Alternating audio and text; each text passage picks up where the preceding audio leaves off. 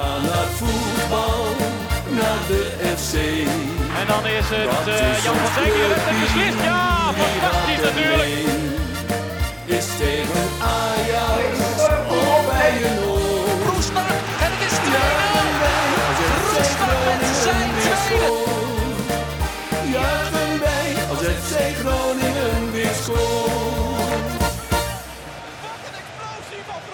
Conforminder de podcast, aflevering nummer 24 van seizoen 3. Mijn naam is eh, Maarten Siepel. Ik eh, ben natuurlijk met Thijs Faber Mooi. en Wouter Rolsappel. Hey, hoi. Jongens, een druk voetbalweekje achter de rug. Maar liefst eh, twee wedstrijden gehad. De wedstrijd uit tegen Willem II. En de thuiswedstrijd van afgelopen zondag tegen FC Twente. Ja, Ja, en natuurlijk de nasleep van onze honderdste aflevering. Thijs, eh, heb je er nog wat van gemerkt? Ja, natuurlijk. Wij hebben bakken met media-aandacht gehad. Ja. En eh, daar nou, zijn we normaal niet zo van de aandacht. Nee, Daar houden wij niet van. Daar houden wij niet van. Maar eh, nee, er was, eh, waren een aantal journalisten die eh, toch wel graag verslag wouden doen van eh, onze honderdste. En eh, dat hebben ze gedaan. Dus eh, Ja, Sikkom had een, een artikeltje staan. En eh, nou, natuurlijk onze grote vrienden van, van OogTV, waar het allemaal begon, Ja. die kwamen ook even langs. en eh, ik, ja, ik kan niet meer normaal over straat. nee, het is erg, hè? En het is nog niet afgelopen, hè?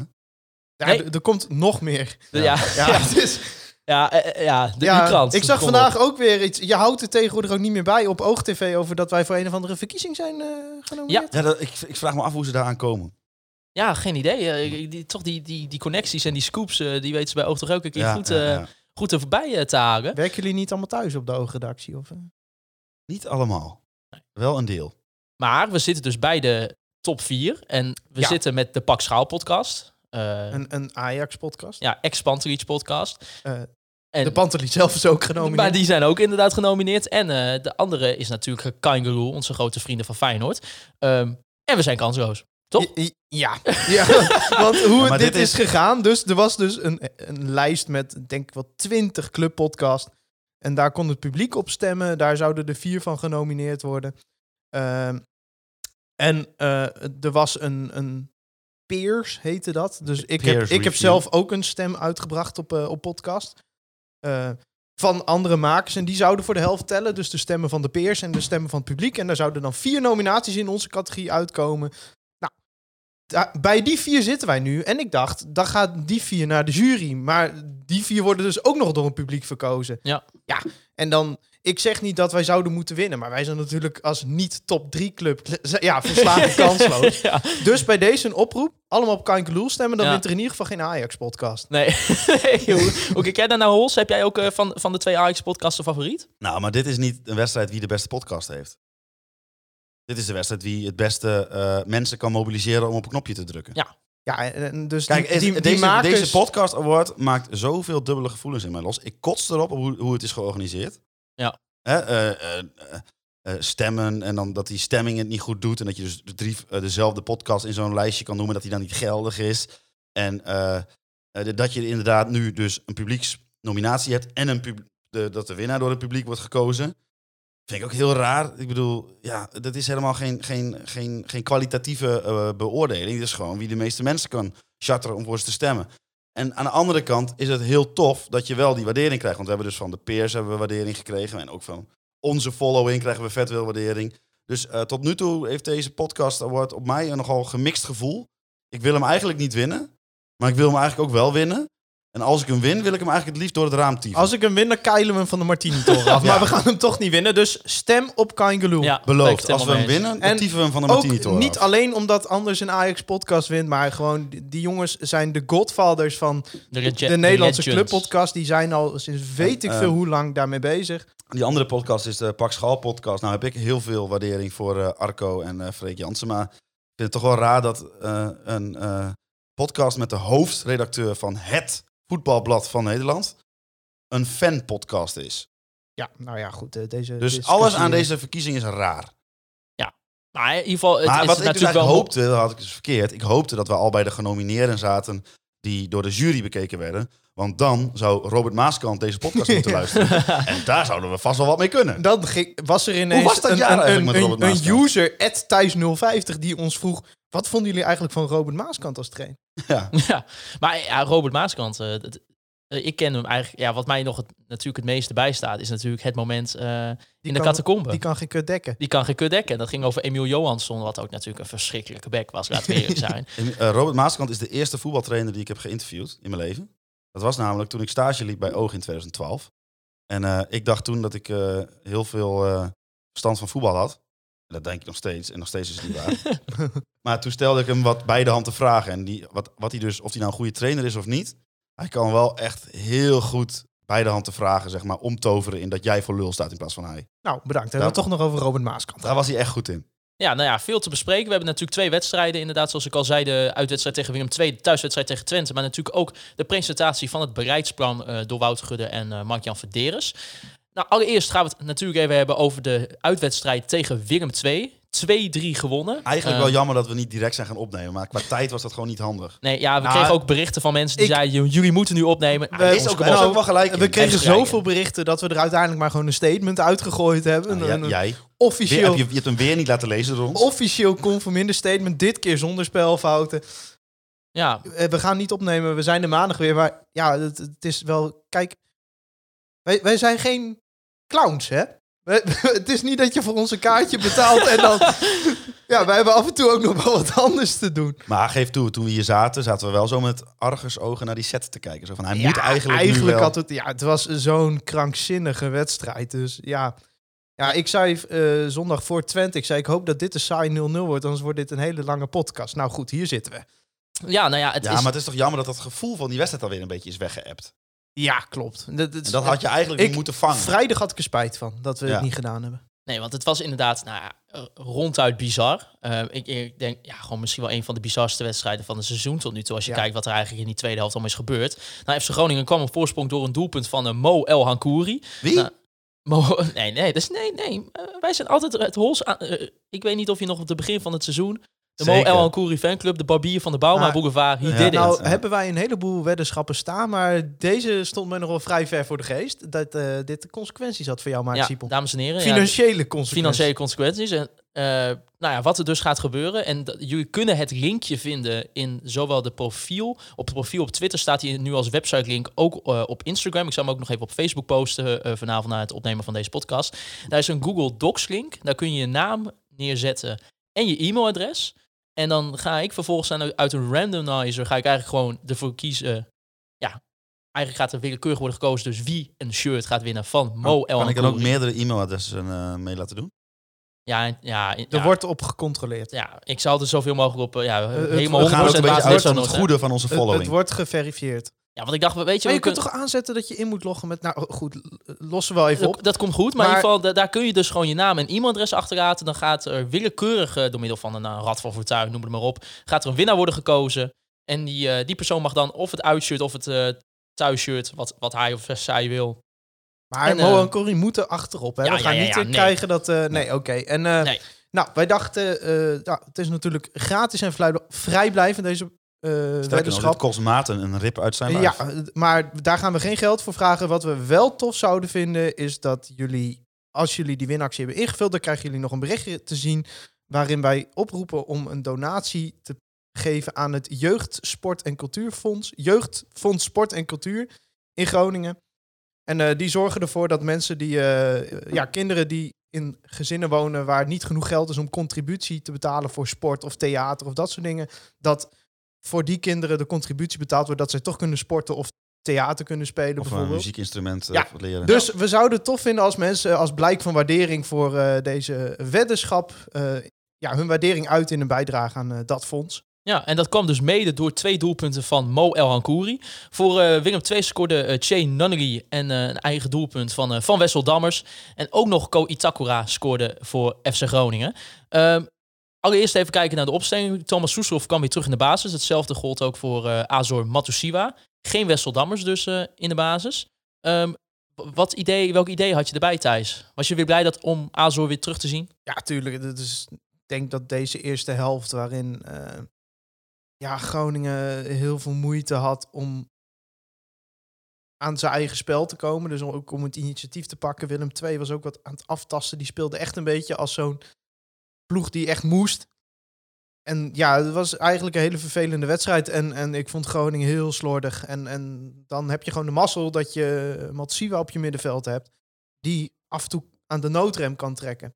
En natuurlijk eh, hoe Buis Matsiwa gebruikt, dat hij er als extra verdediger af en toe bij komt. Ja, dat was gewoon heel fijn om dat weer terug te hebben. Ja. Maar eh, ja, eh, Soeslof vond ik tegen Utrecht heel matig. Maar die vond ik tegen Willem II denk ik de beste man op het veld uiteindelijk. Ja, hij had, eh, ah, ik zat ook even te kijken. Eh, volgens mij had Opta Johan die had een, eh, een statistiek van hem dat hij eh, de jongste speler eh, is die vier kansen creëerde voor het team, voor een team buiten de top vier eh, sinds Martin Eudegaard in Ja. mei 2017 Nee, natuurlijk. Eudegaard, Otkaart Oh, kan. van Herenveen. Martin Otkaart. Nee, niet Martin Ott, maar die Otkaart van Herenveen. Die ooit Oh, sorry, dan heb ik het even verkeerd geweest. Ah, gelijk op Ja.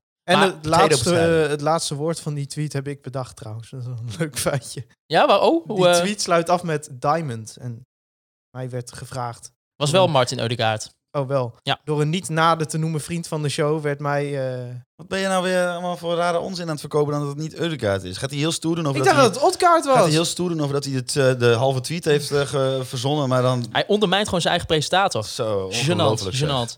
Nee, maar inderdaad, wat je bedoel, zegt... Ma- Maarten ziet niet elke wedstrijd, maar hij is wel altijd goed voorbereid. Ja. Sorry. ja, eh, je- je- ik betaal een tientje mee aan het shirt van Mo. Ja, ja, ja, ja, Dan ja. ben ik benieuwd waar ik nog aan de beurt kom deze aflevering. Nee, maar eh, ja, Soeslof was echt cruciaal in deze wedstrijd. En eh, ja, net wat je zegt, eh, wat, wat ik nog wel bij Thomas heb, is dat je ziet echt vanaf seconde 1 dat die jongen echt verschrikkelijk goed kan voetballen. Het is ook nog iets wat, wat Wouter Gudde ook vandaag bij de koffiecorner zei van, nou, dat is zo'n verschrikkelijk groot talent. Wat weet hij er nou van? Hij is algemeen directeur. Ja, ja, ja. Wat, wat weet Martin Drent over corona, zou je beter kunnen zeggen. Maar in ieder geval, eh, w- en dat zei Wouter Gudde ook wat. Je hebt nog natuurlijk wel een beetje met Thomas Soeslof dat het wel... Het, ja, het gaat nog wel een beetje heen en weer. Het is ook, de, de ene keer is het leuk, maar de andere keer is het ook weer niet Ja, beter. maar denk je niet dat dat iets is wat in zijn spel zit en wat eh, waarschijnlijk nooit echt weg zal De gaan? beste jongen is 18. Hè? Ja. Dus het, het is, hij had ontzettend veel onderscheppingen. Was ontzettend belangrijk defensief. Ontzettend veel energie in de wedstrijd gelegd. Heeft 90 minuten eh, vol gas gegeven. Ja, en bij elk doelpunt betrokken. 1-0, geweldige assist. Eh natuurlijk, Jane Nunnally in de achtervolging. Misschien wel de snelste speler van de eredivisie.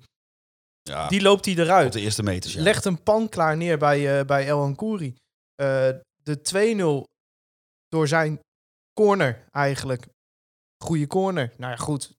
Misschien niet het meest belangrijk aan die actie. Eh, die derde goal.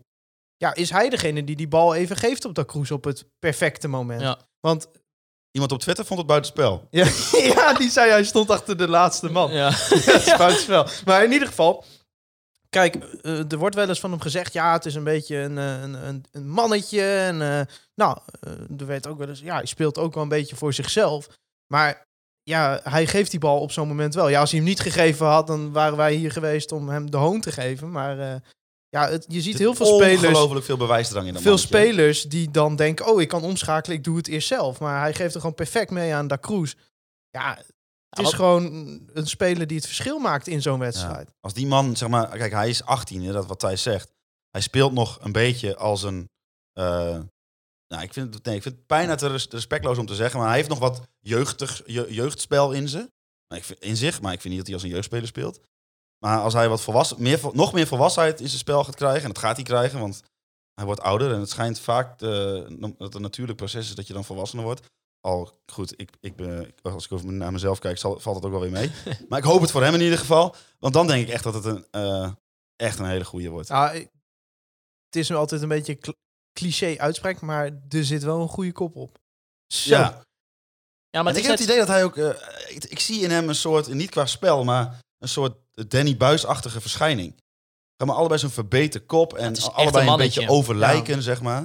En ik, ik, heb, ik ken niet, ik, ken, eh, dat zouden we eens even moeten vragen, maar ik heb ook zo'n voorgevoel dat die twee het gewoon heel goed met elkaar kunnen vinden, maar dat ze ook heel hard op elkaar kunnen botsen, zeg maar. Dat, dat gevolg. Nou ja, tegen Utrecht haalt hij hem er gewoon uit, hè? Dan, Ja, maar, eh, ja. dan doet hij defensief niet genoeg mee en dan haalt hij hem eruit. Nou, tegen Willem II heb ik hem 90 minuten verdedigend alles zien geven, dus het heeft wel effect gehad. Ja, en wat ik ook vooral knap vind eh, aan die derde goal met Da Cruz... is dat hij geeft, hem, hij geeft hem echt perfect op het juiste moment. Maar ook op dat Alessio hoeft zich niet in te houden met die sprint... om Nee. eventueel over die middenlijn heen te stappen. Hij kan hem letterlijk perfect in één keer meenemen. een geweldige counter. En Mo El Nkouri, die waarschijnlijk op dat moment in zijn rol al 12 kilometer in de benen had, die gooit er ook nog even een sprint uit. Ja, en wat, waar we ook blij mee mogen zijn, is dat Alessio da Cruz ja, ook in die, in Ja, die ta- fase van de wedstrijd nog die sprint kan trekken. inderdaad, het is goed. De wedstrijd is al bijna weer een week geleden dat je dat even aankaart. Het is gewoon hoeveel spelers, laatste minuut, gaan op dat doel af.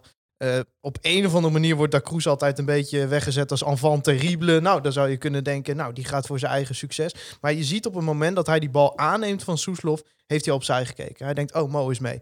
En hij maakt die sprint door. En op het laatste moment kijkt hij nog een keer, denkt hij, ja, Mo staat er gewoon beter voor. Ja. Ja. Ook hij eh, had hier de hoon gekregen als hij hem niet had afgegeven. Maar ja, het is gewoon geweldig. Zo gedaan. werkt het. En nu krijgt hij de parade. Moet wel even gezegd worden trouwens, als ik de trainer van Willem II was, dan had ik na de wedstrijd me wel even afgevraagd eh, waarom we in godsnaam met tien man met die corner meegingen. Ja, ik denk dat Adrie Koster echt helemaal gek wordt inderdaad. En ook als je nog ziet, eh, natuurlijk met de afge- afgekeurde goal van eh Friet was het de allereerste. Ja. En daarna kwam de afgekeurde goal nog met, eh met Keulert. eh, Vind waar- ik goed trouwens, die vriend. Ja. Maar het Siepel zei nog vorige week in de podcast. eh, hè, ik, eh, ik had er meer van verwacht.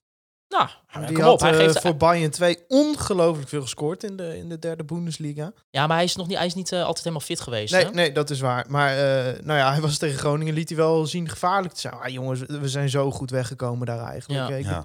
denk als je die laatste 10 minuten negen keer of 10 keer overspeelt, dat je hem 9 keer verliest. Ja, het, het was natuurlijk wel sneu, want Patrick Joost eh, begon in de basis. En die moest daar eigenlijk nou, als vrij snel na 20 minuten af voor, voor Ja. Mo en Koeri. Het pakt natuurlijk voor Mo fantastisch uit en uiteindelijk ook voor ons. Maar het is wel weer sneu dat eh, dat petje van Oost weer geblesseerd uitviel. Ja. We hebben wel een beetje Thijs- eh, Thijs, van, die, van die bouwpakketten op de flank lopen. hè? Kun je nog herhalen wat je tijdens de wedstrijd zei? Ik zei, ik ben er helemaal klaar mee met die bouwpakketten op de flank. Volgens mij zei ik dat letterlijk. Want ja, kijk, nu kan hij er misschien niet zo heel veel aan doen. En het heeft misschien ook wel met dat zware veld daar te maken gehad. Maar ja, het is, hij is nog steeds, voor mijn gevoel, geen enkele wedstrijd helemaal fit geweest. Ja, we zijn wel gewoon al een half seizoen bezig. Ja, maar ja, dit is natuurlijk wel iemand met een eh, geschiedenis daarin. Ja, en eh, ja, datzelfde geldt voor Da Cruz. Gewoon geen voorbereiding gedraaid. Eh, nou ja, Matosiwa ja, is dan ook mm, nu een halve wedstrijd. Waar had hij eigenlijk last van, uh, Matosiva? eh hamstring. Oh ja. Maar eh, kijk, dat hoort erbij natuurlijk. Maar ik vind het wel jammer dat we op de flanken, waarvan je gewoon weet dat je met Joost en Da Cruz twee geweldige flankspelers hebt. eh, Waarvan zelfs in Da Cruz nog wel wat meer zie je ook dan in Joosten. Nou, hoe kun je dat nou zeggen? dat je die nog niet fit hebt gehad. Heeft dat, heeft dat misschien ook een beetje te maken met de, in- eh, ja, de intensiteit die Buis verwacht van zijn spelers? Als het aankomt op het spel? Ja, deels natuurlijk. Je, je weet gewoon als je eh, bij Buis op de flanken speelt... dat je het grootste deel van de wedstrijd ook aan het verdedigen bent. Dat zie je aan, aan hoe die El Hankouri gebruikt... aan hoe die Soeslof gebruikt tegen Willem II dan. En je ziet gewoon dat als Soeslof, zoals tegen Utrecht, ervoor kiest om niet mee te verdedigen... heeft dat direct consequenties. Dus ja, er wordt natuurlijk wel een bepaalde intensiteit Ja, van maar dat spelers is ook wel, wel mooi, omdat zeg maar eh, voetballen, dat heb je, heb je nou eenmaal te doen met de kwaliteit die je hebt. Maar eh, als jij op verdedigend vlak, op organisatorisch vlak, de intensiteit wil verhogen, moet je het niet zoeken bij meer weerstand in de Eredivisie, want die is er niet. En ik heb wel het idee dat Buis dat probeert te doen en dat de, technische staf en de performance staf van Groningen dat proberen te doen, door ook in de wedstrijd meer te vragen van die gasten. Nou, kijk, Groningen probeert gewoon met en dat dus, het, het Ja. fysieke aspect en het tactische aspect van op een organisatie bouwen. Eh, wat anders te doen dan de concurrenten. En daardoor proberen eh, ja, toch uit te blinken in, in die middenmoot met Herenveen. En ik reken Willem II erbij. En ik reken een, een Twente daarbij, een Zwolle daarbij. Daar moet je proberen in dat segment door wat anders te doen bovenin komen. Ja, en tot nu toe, eh, ja, afkloppen. ja, gaat dat prima. Ja, want het is natuurlijk wel zo ook... Hè, jongens als Patrick Joosten en Alessio da Cruz, jongens die eigenlijk nog niet nou, 100% fit zijn geweest voor dan drie wedstrijden. Ze, het zijn toch al allemaal spelers die toch allemaal wel, wel dingetjes al hebben laten zien. Het is niet alsof, alsof we, we niks gezien hebben van Alessio da Cruz dit hele seizoen al. Ik bedoel, Nee. ze, ze doen het allemaal best wel naar behoren voor misschien de fitheid die ze hebben. Ja, en, en als je naar vorig seizoen gaat kijken, dat onze aanvallende opties Romano Postema en Deschamps Redan waren, onze enige aanvallende opties, dat we nu een spits hebben met 12 goal contributions, dus bij 12 goals betrokken in 17 wedstrijden.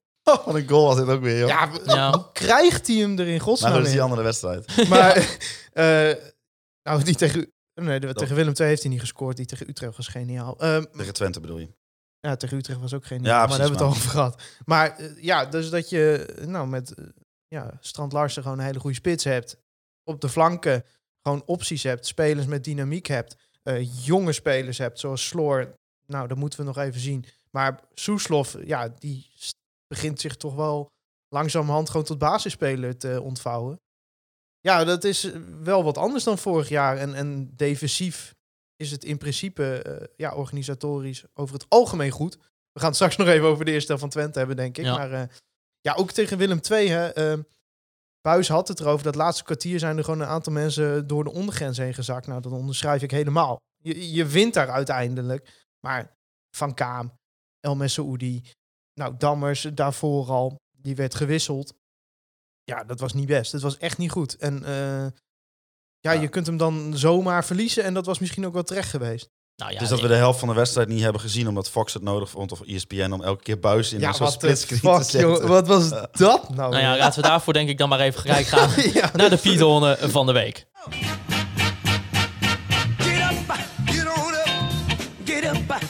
Ja, want in de Python van de week bespreken wij de persoon of organisatie of land. eh, het kan van alles zijn waar wij ons het meest aan geërgerd hebben de afgelopen week. En eh, nou ja, we hebben het erover. ESPN en dan vooral het eh, in beeld brengen van Danny Buis. Rick Faber, jouw broertje Thijs, die Ja. kwam met de vraag... Hebben jullie je ook zo geërgerd aan ESPN die de hele tijd een één camera ja, gericht moest hebben op Danny Buis? Nou, antwoord is ja. Ja, Ja, Ja, de, de Robbencam, ja, dat kan nu natuurlijk even niet. Nee. Ja, het- trouwens, hij, Kan- hij, kan hij trouwens zit prima. soms op de tribune, dan kan het ook de hele wedstrijd. ze ook heel op hem in te zoomen, dus Nou, kijk, toen ik vorige week aankaartte dat ik er helemaal klaar mee ben... dat we het de hele tijd over het geschreeuw van Buis moeten hebben... toen waren jullie nog een beetje van, nou, het valt gewoon mee. Het is ook wel terecht. Nee, Maar jij hebt echt niet geluisterd naar wat wij Zijn gezegd we, hebben. zijn we dan nu op het punt aangekomen dat jullie gaan Nee, zeggen... ga Thijs, we snappen wat je bedoelt Nee, en ik ga, dit eerst, ik ga eerst dit, hier tegenin, want ik eh, ben het helemaal met je eens dat het irritant is dat het, het geschreeuw zelf eh, een dingetje is. Maar ik zei wel, ik vind het interessant, want door het, eh, de, eh, de vraag te stellen hoor je wat hij eigenlijk bedoelde. En daardoor hebben wij meer informatie. Dus eh, niet helemaal, niet zeggen dat ik het niet met je eens ben. Maar ik vond dit wel heel treurig. Nou, ik vind het ook twee aparte dingen. Ik vind zeg maar wat ESPN doet om het zo vaak zeg maar soort in beeld te brengen tijdens de wedstrijd. Weet je, het wordt gewoon gevoetbald en ik moet de helft van mijn scherm inleveren omdat ik naar buiten moet gaan kijken. Ja, dat is gewoon het ronduit ging op, gênant. op, op Twitter ook een beetje. We hadden op een gegeven moment gezegd... we gaan vanaf nu, elke keer als ESPN Buis in beeld brengt... gaan wij een flinke slok van ons biertje Ja. nemen. Nou, ik ben donderdag eh, draaiend naar huis gefietst. Ja, nee, maar ik, en weet je, ESPN, we zeiden van tevoren toen, toen die switch kwam van Fox Sports naar ESPN, hè, leuke reclames. Mag ik, mag ik nog, nu we het toch over ESPN hebben? Die app. Die app. Wat? Wat? Kijk, je, Ik heb, ik heb dingen ook kunnen niet werken in een app, hè? Maar dit app is een... Dit app. deze app. Deze deze app is een volkomen Ja, fiasco. ik krijg er oog-app vibes bij. En die is echt kut. Maar wat, wat ik ook niet snap, waarom, ja, ik weet niet, eh, er zal vast een goede We hebben het hier over het rijkste, machtigste mediabedrijf ter wereld, hè? Walt Disney. Maar waarom, waarom kon de Fox-app niet gewoon automatisch Ik heb overgaan een beetje het idee dat, ESPN zeg maar, ik krijg er een beetje assenpoester vibes van. Zeg maar, E ESPN is een beetje de assenpoester in het, eh, in het eh, Walt Disney-rijk. Hè, alle, alle, alle, alle echte kinderen krijgen veel geld en mogen met mooie budgetten mooie programma's maken. En Fox Sports Nederland of ESPN NL, die krijgen de kruimels. Nou, hopen dat, we, dat ze de prins met het muiltje vinden. Of dat is dit Nou ja, een vreselijke metafoor. Eh, maar, dan ook, maar, maar dan ook ten derde, die website is kut. Ja. Vind ik. Echt een kut site. maar Ehm, die app. ja, die app is ik- echt... Ik Ik was nog- ik was opnieuw inloggen. Ik was, ik was nog niet klaar over die app. De samenvattingen. Ja. Doen het. Grootste deel van de tijd klik je het aan. Dan gaat er zo'n dingetje draaien in je scherm. Exact. Wordt er niks in Nee. gestart. Doelpunten terugkijken. Vind ik altijd gewoon fijn. Nou, het duurt drie kwartier voordat ze erop staan. Je klikt erop. Gaat een dingetje draaien in beeld. Doet het niet. Terugspoelen in wedstrijden. Zo vaak dan kijk ik niet naar een wedstrijd. En dan zie ik eh, in onze WhatsApp-groep of op Twitter iets eh, van... eh hey, nu bij, bij PSV tegen AZ gebeurt er dit en dit. Oh, moet je kijken. Dan kan ik die app opstarten. Bij Fox kon dat. En dan kon ik even 30 seconden terug. Dan kon ik zien wat er gebeurde. Kan ook niet meer dat terugspoelen. Hele wedstrijden terugkijken. Nou, Dus er zijn geen gifjes meer van Jorin.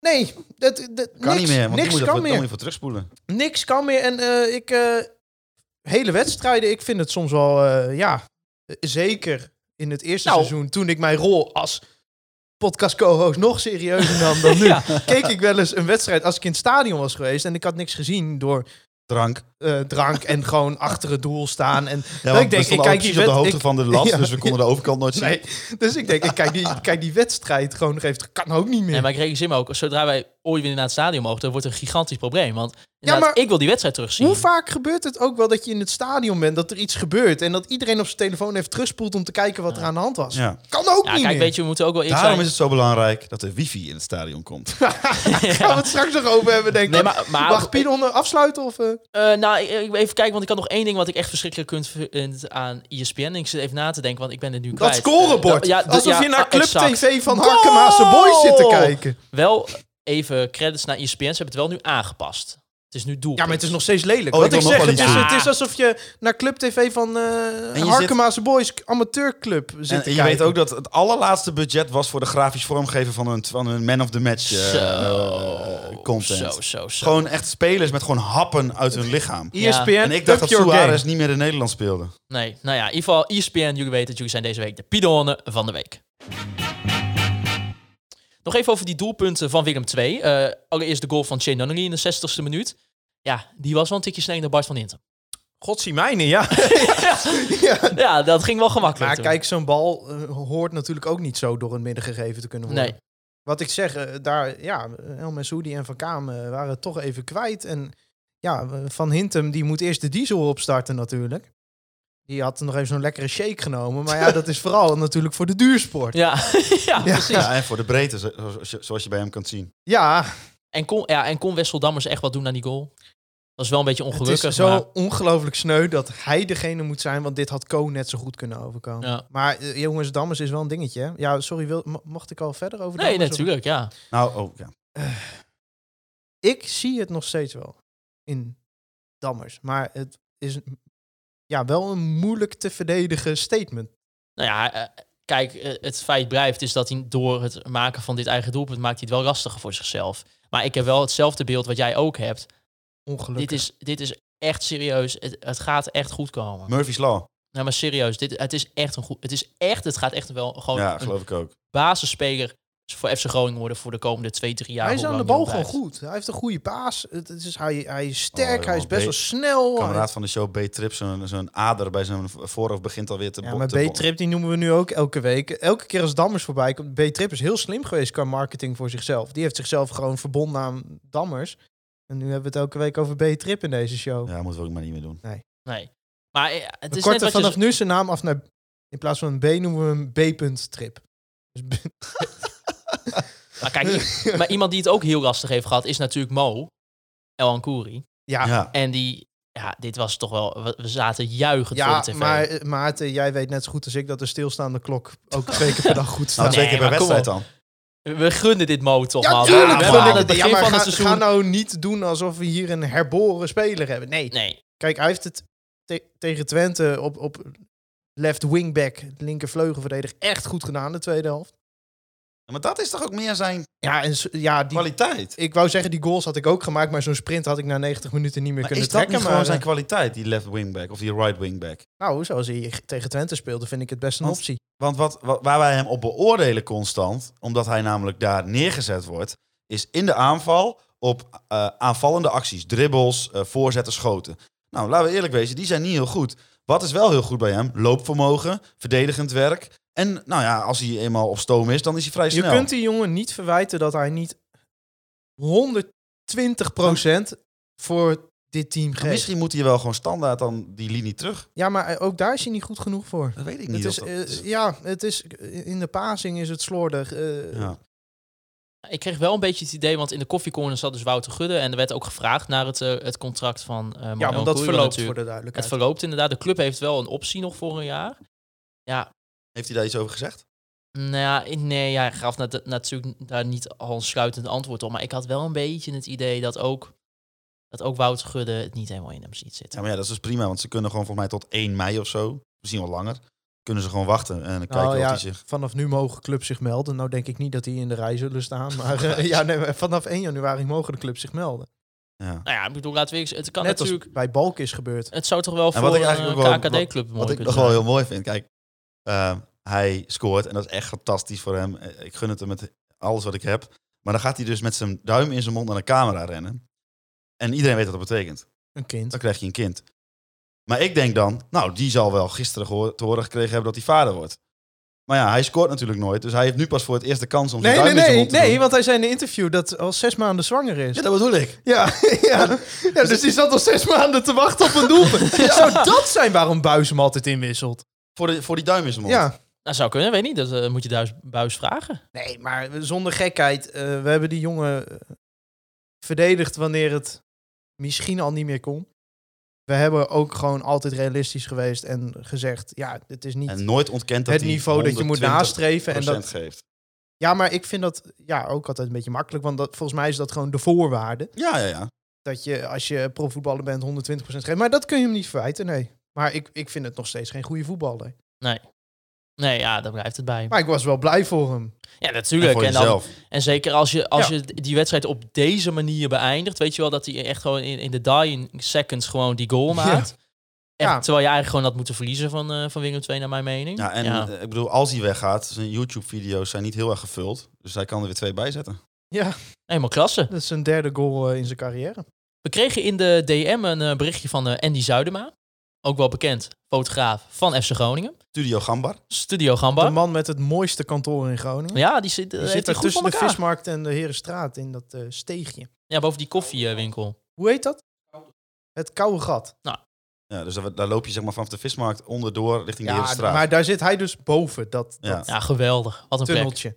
Ja, hij had eh, een bericht. Hij zei na het eh, interview met advocaat, inclusief de opmerking over de kleding, staat eh, Danny Buis sinds FC Utrecht er anders gekleed uit, langs de lijn.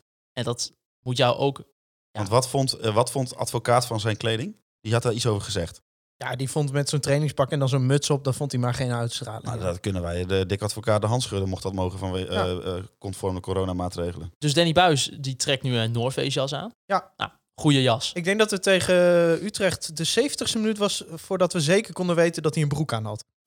Want elke keer kwam alleen de bovenkant in beeld. En het is nogal een grote Het jas. is een grote jas. Maar eh, wel eh, zo een waar je zo lekker met die, met, Ja. met die handen in de zakken Ja, kunt staan. eh, Danny heeft het gewoon goed voor elkaar. Die, is eh, gewoon een mooie jas. Een, een prachtige jas. En toen kwam ook nog Elastieke Henkie. Geen epistel, maar hij kwam wel nog met even met de vraag binnen voor de opnames. Hij zegt, omdat de modepolitie in de persoon van Maarten Siepel ook aanwezig is...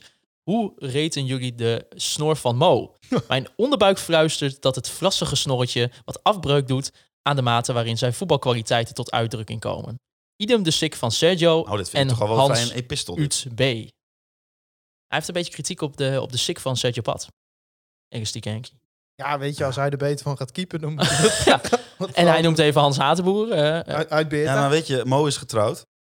En misschien vindt zijn vrouw dat die sick wel helemaal geweldig. Ah, en ja, wie Mo- zijn wij dan om daar... eh, En Moos zijn baardje zit ook al een aantal weken goed. eh, die is nog even eh, vlak, voordat, Ja. eh, vlak voordat de kappers ging nog even naar de barbier geweest. ja, ja, ja. En eh, nou, hij dacht, ja, joh, ik ben de barbier van de Bauma Boulevard. Ik Ja. moet wel een strak baardje hebben natuurlijk. Want ja, ik, ik heb het kapsel gezien van Ramon Pascal Roentquist bij, eh, bij FC Twente. Nou, maar die Ja. had daardoor wel Die heeft, flinke aerodynamica op de flank. Ja. Dat, eh, maar die gaat wel een probleem. Die heeft een beetje hetzelfde probleem. die, die, heeft dat probleem ding als uit, ik, eh, ja. die heeft dat ding uit de Robbins jas op zijn hoofd liggen. Nou, Ja. ik heb een soort Russische muts op inmiddels. Want ik de laatste keer dat ik bij de kapper ben geweest. ja, nee, ja, het is wel erg. Maar eh, ja, hij ging er in ieder geval best wel eh, prima voor voetballen, Roentquist. Dus, Eh, nou, in dat akte. Nou ja, en voordat we nog even gaan hebben over de wedstrijd tegen FC Twente, had FCG Stads ook een berichtje voor ons. Die zei: Van de afgelopen acht uitwedstrijden heeft FC Groningen er vijf gewonnen. In de Eredivisie-historie is er geen seizoen waar de FC meer dan zeven uitwedstrijden wist te winnen.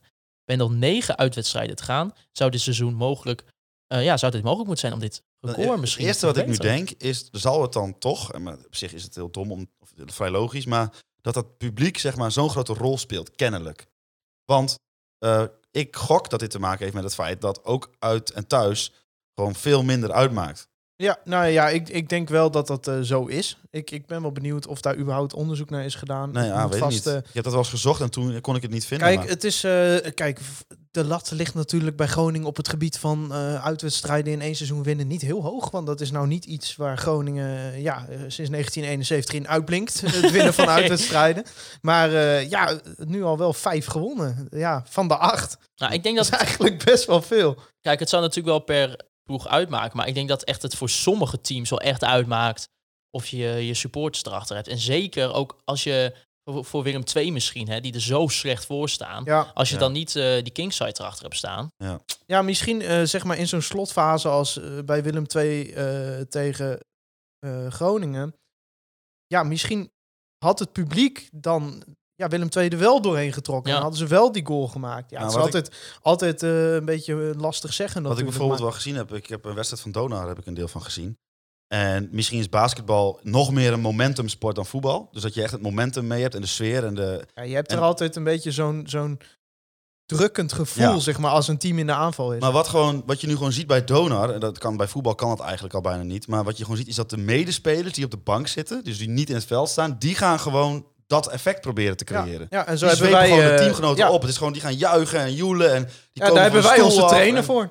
Nou, ja. ja, nou ja, ken, misschien wel. Ja, ik weet het niet. Maar het is toch ten- kennelijk in de basketbal, in, dat, in zulke soort sporten, is het al veel meer een, eh, zeg maar, logisch dat je het publiek nodig hebt. Dat je die bepaalde, bepaalde energie nodig hebt. Dus ja, ik denk dat het in de voetbal niet anders is. Nee, ja, ik, ik denk, ja, vijf, vijf van de acht is wel echt veel. Ja. Dat is- zijn 15 punten uit uitwedstrijden. Ja. Er zijn ploegen die nog niet eens 15 punten hebben. FCM bijvoorbeeld. Willem II. Ja. Ja. Ja, nee, maar ja, ik denk ook wel dat het uitmaakt. En zeker inderdaad als je er slecht voor staat, dan als je dan ook niet je publiek bij je hebt, ja, dan gaat denk ik wel de moed, eh, ja, je eerder gewoon in je schoenen zitten en dan eh, ben je gewoon klaar. Ja. Ja. Nou ja, zondag eh, speelden wij tegen FC Twente. De thuiswedstrijd. Het werd 2-2. Doelpunten van, eh, van Dumic en eh, Thijs van Leeuwen scoorden voor eh, FC Twente. Was zijn eerste goal tijdens zijn basisdebuut voor FC Twente. En bracht zijn totaal op twee in een seizoen. Voor FC Groningen scoorde Ahmed El Messoudi en Jurgen Strand Larsen scoorden ook. En die komt op zeven goals te staan. En dat betekent dat we één doelpunt verwijderd zijn, dames en heren. Dat Wouter Onze raken wel op. dat Wouter Rolsap wat Noorse Volkslied gaat zingen. En dat, ja, dat, het, het, is, het gaat gebeuren. ja, ik moet zeggen, eh, Strand Larsen heeft mij dit weekend al een fles drank opgeleverd. Want ik had ook al een weddenschap met een eh, gezamenlijke vriend van ons, Jeffrey, staan. eh, over dat hij zes goals of meer zou maken. En bij zes zouden we allebei een fles drank aan de vriendengroep doneren. Maar ja, het zijn er nu zeven. Dus die is al binnen. Plus, wij hebben ook nog een weddenschap staan met Ahmed. Dat als hij volgens mij was, wat was het? Ja, acht Daniel te- doelpunten. acht doelpunten. Ja, hij is ook er ook nog met twee verwijderd. Dan krijgt hij een dinertje van ons. Ja, maar eh, ja, dat Noorse volkslied, dat zit er denk ik het meest eh, snel aan te Ik komen. hoop dat eh Strand Larsen de volgende week zijn kruisband speelt. Wil je ook, eh, zou je ook een Marokkaanse volkslied Afkloppen. zingen als eh Ahmed El Messoudi negen doelpunten maakt? Ehm, nou, nee. Nee, we gaan El Messou, die gaan we nu gewoon een maaltijd geven. Komt helemaal goed. Ja, En, eh, ik- dat is een beetje. Ja, kijk, ik vind dat het zo- zoiets moet een beetje eh, Spontaan. uit mij spontaan ontstaan. En dit is een beetje door jou. eh, ik probeer jou even in een eh, hoek te duwen. ja, en ik zit al in de hoek hier. Ja, precies. Nou ja, goed dat je daar niet eh, dan op ingaat. Het is eh, eigenlijk natuurlijk wel een wedstrijd tussen de nummer 5 en de nummer 6 eh, van de Eredivisie. Een zes punten. Een zes punten duel. En het, eh, nou ja, van tevoren eh, was er geen plek voor Daniel van Kaam. Dat, ja, dat was denk ik toch wel even schrikken thuis. Ja, dat, viel mij ook wel het meest op eigenlijk. En ja, ik, ik, het is wel grappig eh, dat, eh, ja, we zeggen een paar weken tegen elkaar van, eh, als je naar de narratieve klok van Van Kaam kijkt, hij is erin gekomen vorig seizoen. Sindsdien hebben wij gezegd, oké, vaste basisspeler nu. En dit seizoen heb je een beetje het gevoel van, nou, we willen misschien dat extraatje wel even. Maar ik denk dat ja, deze eerste helft en tweede helft, hij zou misschien zelfs zo bescheiden zijn dat hij zegt, eh, het lag aan meer factoren. Maar hij Ja, heeft wel laten zien wat zijn invloed is. Ja, Want- ja, maar Nou, ik, ik weet het niet. Ik vond het wel vrij doorslaggevend dat in de eerste helft Groningen er gewoon geen raad wist met de ruimtes op het middenveld. Omdat Matusiwa en El Messoudi die samen in de as speelden, ja, die, die afstemming was gewoon anders dan met Daniel. Je ziet gewoon heel vaak dat als Goedmanson mee naar voren gaat, nou, dat doet hij wel eens. Dat Daniel beetje die plek links achterin overneemt. Nou, volgens mij is de 2-0 bij uitstek een voorbeeld dat ineens die rechtsbuiten vrij staat. En dat zijn toch vaak dingen die we in de zonnedekking van Groningen, het lage 4-2-blok, weinig zien. ja. ja, ik denk dat het eh, wel 100% een eh, combinatie is van het feit dat je in de rust ook even gewezen wordt op wat je nou even niet meer moet doen. Och, heen. Ja, het was Die- wel mooi om te zien dat we wat wij ongeveer deden in de heenwedstrijd eh, Ja. tegen FC Twente, dat ze nu op een iets andere manier waren gewoon duidelijk van hetzelfde. Ja, ja, Ja, het is ongelooflijk. Ik zat ook echt vloekend op de bank, want je zag het al een beetje gebeuren. Die wedstrijd begint, direct al kansen over en weer. Maar steeds dat naïeve opbouwen, inleveren. En dan ging de steekpaas weer naar Menig, Danilo of die rechtsbuiten. En dan was het elke keer gevaarlijk. Je, je, het lag de hele tijd op de loer. En ja, dat het dan uiteindelijk eh, met zo'n kutcorner 1-0 wordt. En daarna ook nog 2-0. Ja. Ja, en het het is, maakt ook niet maar uit. is dat dan naïviteit, jongens? Ja, nou ja, het is gewoon... Kijk, Twente is een soort one-trick pony. En eh, Want ik pony. ja. Ja. maar die, wat die gewoon doen is heel simpel. Die doen een beetje, eh, eh, die, die, die shocken een beetje over dat veld. En dan gaan ze zo lopen dat je eigenlijk het, het liefst gewoon een, een, een speler in de, in de middencirkel van het veld Ja, je, loopt de fuiken in. En op het moment dat die bal gegeven wordt, zie je ineens allemaal rode vlekjes over het veld heel hard in beweging komen. Ja. Ja, ja, en, het, En wat ze ook het deden, en dat vond ik ook heel slim, is eh, Sergio onder druk zetten. ja, en want dat ging nou twee ja, keer er fout. was- Er waren meer vuurpijlen dan tijdens Auto Nieuw weer. eh. Nou ja, één keer gebeurt het in de twaalfde minuut dat hij die bal niet eh, wegwerkt. eh, komt de corner uit en vervolgens eh, de goal van Dumic. Slecht verdedigd. Een typisch voorbeeld. Zonnedekking bij een corner, fout uitgevoerd. Ja, ja en het, die, die, eh, hij werkt hem gewoon wederom niet goed weg. En eh, het gebeurt later ook nog een keer. Even kijken in welke minuut. Het is weer in, in de 44 minuut weer een kutbal van Sergio Pat. En met Ja. eh, Danilo in de buurt. Nou, en daar was komt denk geen ik goal uit. sowieso maar- niet echt zijn wedstrijd. Nee, was gewoon... Want eh, ik vind, eh, die kopbal kan hij niks aan doen.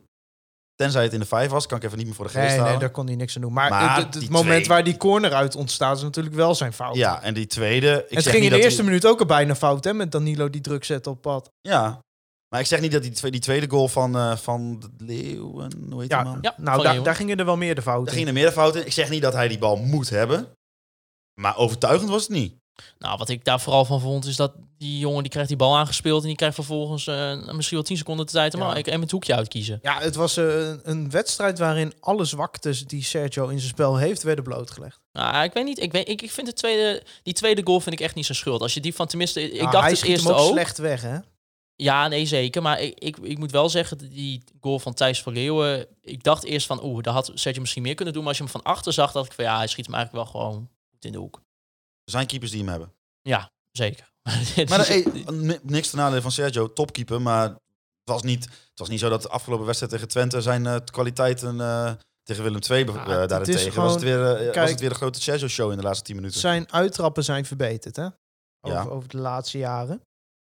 Eh, maar ja, het is nog steeds wel dat je af en toe denkt van... Oh, wat, wat had je eigenlijk... Hebben we misschien ook behoefte aan een keeper die echt kan meevoetballen? Peconinho.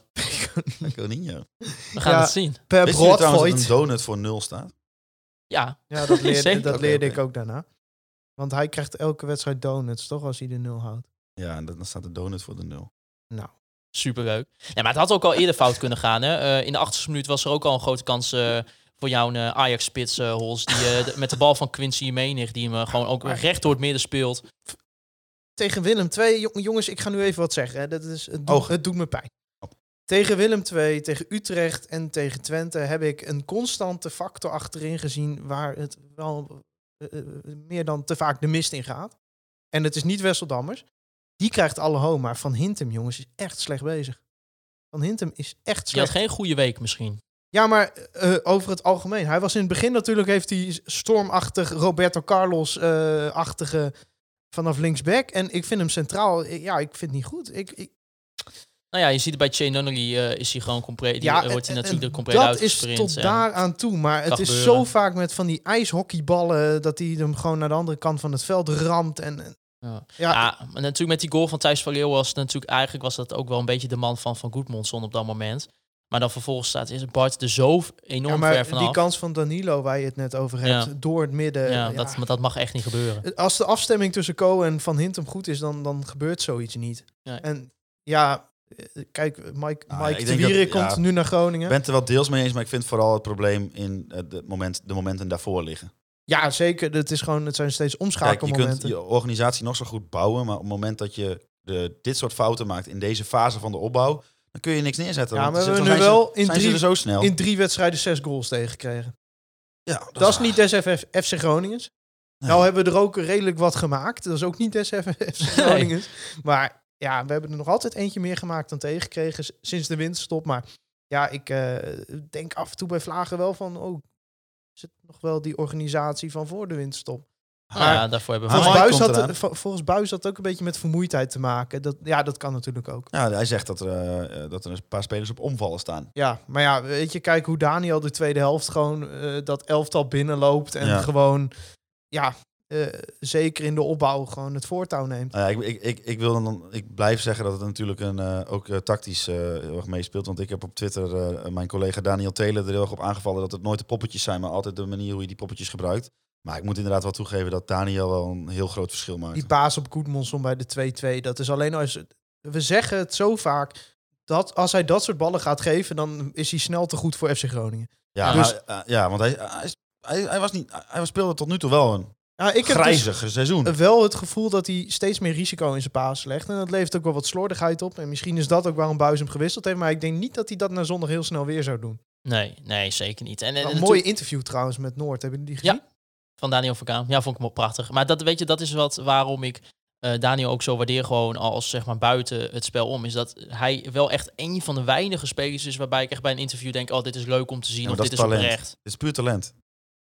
Het is, niet, dat is niet, het is niet heel veel mensen gegeven om vrijuit te praten zonder eh, domme dingen te zeggen.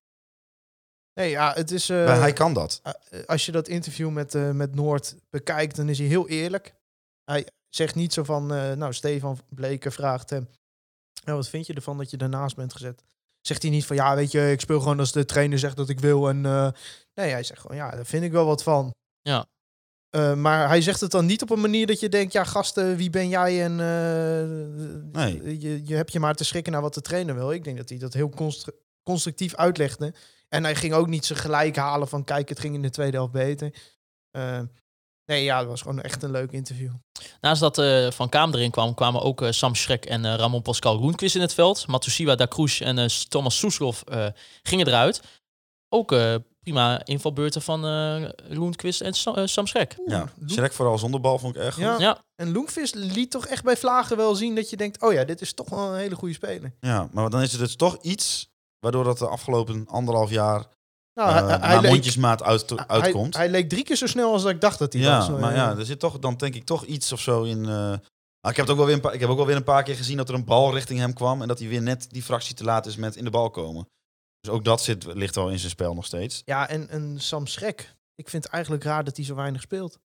Ja, Ja. want het is eigenlijk qua eh, wat Buis wil. Hij, levert zoveel energie Ja. en eh, vuile meters. Altijd, altijd, als hij dan speelt, dan denk je van ja, dit is helemaal niet iemand die zo laag in de hiërarchie hoort te staan als hij staat. Nee. Het is echt een lopende speler, veel arbeid. En Jacob Scholma die, eh, die stuurde ons ook een vraag in van verdient Sam Schrek niet eh, meer speelminuten? Ja, probleem is voor wie? Ja, want je Ja, gaat... je hebt ja, natuurlijk die vijf wissels en dat, dat zou, ik zou in dat geval hem wel eh, wat vaker eerder brengen. En dan betekent dat gewoon rond, de, rond het uur in ieder geval. Of natuurlijk niet meteen in de basis, maar dan heb je ook meer kans om, heb meer tijd om ritme op te doen. Ah, het zijn juist wel die lopende spelers, El Ankouri, Schrek en, en, en Goedmanson die een goede tweede helft speelde, die hem gisteren wel omdraaien. Want Ja. Twente was het helemaal kwijt.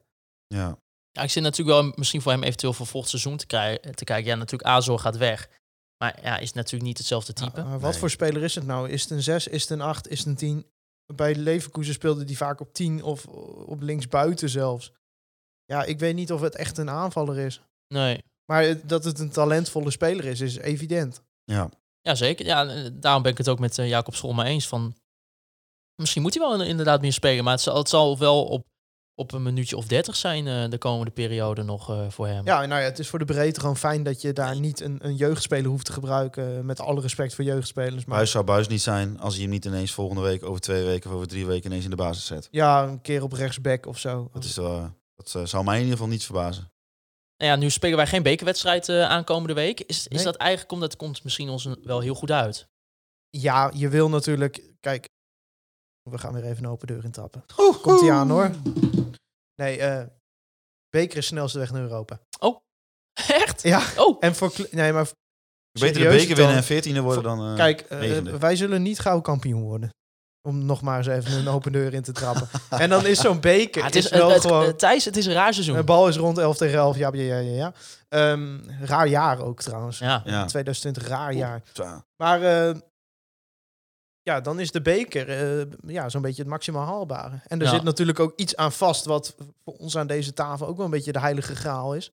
Europees voetbal. Ja. Al, eh, ja, zonder me meteen eh, als viroloog op te stellen, vraag ik me af met de snelheid van het vaccinatieprogramma of het überhaupt uitmaakt of we Europees halen of niet, want we kunnen er toch niet heen. Maar, Zijn we eh, niet toe aan versoepelingen? maar eh, ja, zo'n beker is gewoon voor Groningen ja, de hoofdprijs, zou je kunnen zeggen. Ja, natuurlijk. Maar aan de andere kant, weet je, we staan er echt goed voor in de competitie. Ehm, jongens die toch weer een beetje half kwakkelend Ja, terugkomen. Azo Matosiwa nog niet helemaal 100% fit. Word Ehm, je, word, word je zesde, speel je play-offs, word je eruit gegooid, had je net zo goed negende kunnen worden.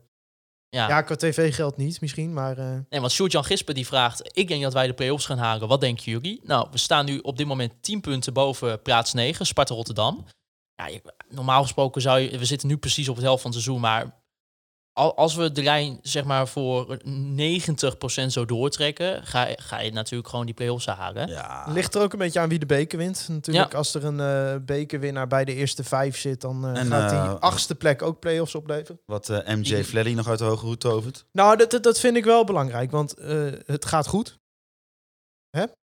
Gaat heel goed. Het is met een speelstijl wat je elke week in principe kan eh, ja, creëren. Defensief goed dicht houden. Met individuele kwaliteit eh, proberen ja, toch wat voor elkaar te krijgen. Maar ik denk dat de manier waarop Groningen speelt wedstrijden ook heel gauw de andere kant op kunnen vallen. En dat zag je tegen Willem II, dat zag je tegen Twente. En elke keer eh, ja, is de veerkracht er om het, om het weer goed te maken. Maar het is nou niet alsof Groningen dit jaar al een wedstrijd lekker comfortabel gewonnen heeft. Nee. Nee. Kijk, zelfs de- ik, VVV was een comfortabele overwinning, kun je zeggen. Maar dan- ook dan wordt het nog 2-1. Dus het is niet alsof Groningen eh, ja, heel makkelijk van de kleintjes wint. Het, het lukt allemaal uiteindelijk wel. Maar ik heb wel het gevoel dat wedstrijden dus ook de- heel snel de andere kant op kunnen. En zoals het eh, spreekwoord luidt qua selectieopbouw, je moet het dak repareren als de zon schijnt en niet als het regent. Exact. Dus eh, wat ik wil zeggen, wat Mark-Jan nog uit de hoge hoed tovert, ik hoop wel dat er nog wat bij komt ja, in de breedte. Zeker aanvallend. Ik bedoel, als Strand Lars, stel Strand Larsen valt uit. Ja, dan heb je een probleem. Wie moet je dan in de spits zetten? Dammers. Ja, nou ja, dan... dan ja, maar is wel kijk, zijn hele jeugd spits geweest. ja, maar kijk, dan, dan ontkom je er toch eigenlijk niet aan dat je wel... Zag je ook terug trouwens tegen Willem II. Dat, eh, echt een instinct Jee, neus, maar- neusje voor de goal. Ja, maar je ontkomt er dan natuurlijk niet aan als je met twee man voorin speelt. Dat je wel dan waarschijnlijk met, met, gewoon met echt ja, twee soort van buitenspelers à la Mo. En dan met, met, Ja. met Patrick Joosten of Alessio da Cruz. Of weet je, noem Ja, maar op. het, een schijnt dat, eh, dat, dat Buis Balk echt als spits ziet. Dus niet als vleugelspits, maar echt als spits. Dat is ook een van Nou de ja. redenen dat in hem niet zo heel veel toekomst werd gezien. Omdat Romane Postema natuurlijk terugkomt. En die hebben ze toch hoog in de hiërarchie, als je de verhalen moet geloven. Maar dat tezijde. het schijnt ook dat, eh, eh, las ik op VI, dat ze al, be- al bezig zijn met een directe overstap. Ja, en eh, daar ga ik trouwens even een glazen bol Jomanda uitspraak doen. Nou, Ik denk dat Groningen eh, Balk naar Utrecht, Giovanni Troepé naar Groningen. ja, dat zei een van de, van de jongens van de Utrecht Prot, eh, podcast volgens mij. Ja, die zag ik op Twitter. Ja, dus Ja. schrijf die maar alvast op. Giovanni Troepé. Ja, maar, trouwens, dat Goed betekent... kapsel heeft hij.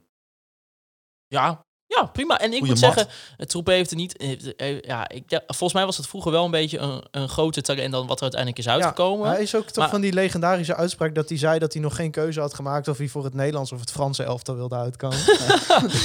ja, maar het is, het is, het is Dit wel... kan gerectificeerd worden, maar sommige dingen moet je niet Maar ik denk wel dat het een speler is die wel in het profiel past wat, wat Mark-Jan Verderen zoekt in een speler. Weet je, een speler die, die wel snelheid eh, met Ja, zich mee kan, heeft. kan lekker gaan. Eh, ik, ja, voor de breedte denk ik leuk. Eh, hij kan op links en op rechts uit de voeten.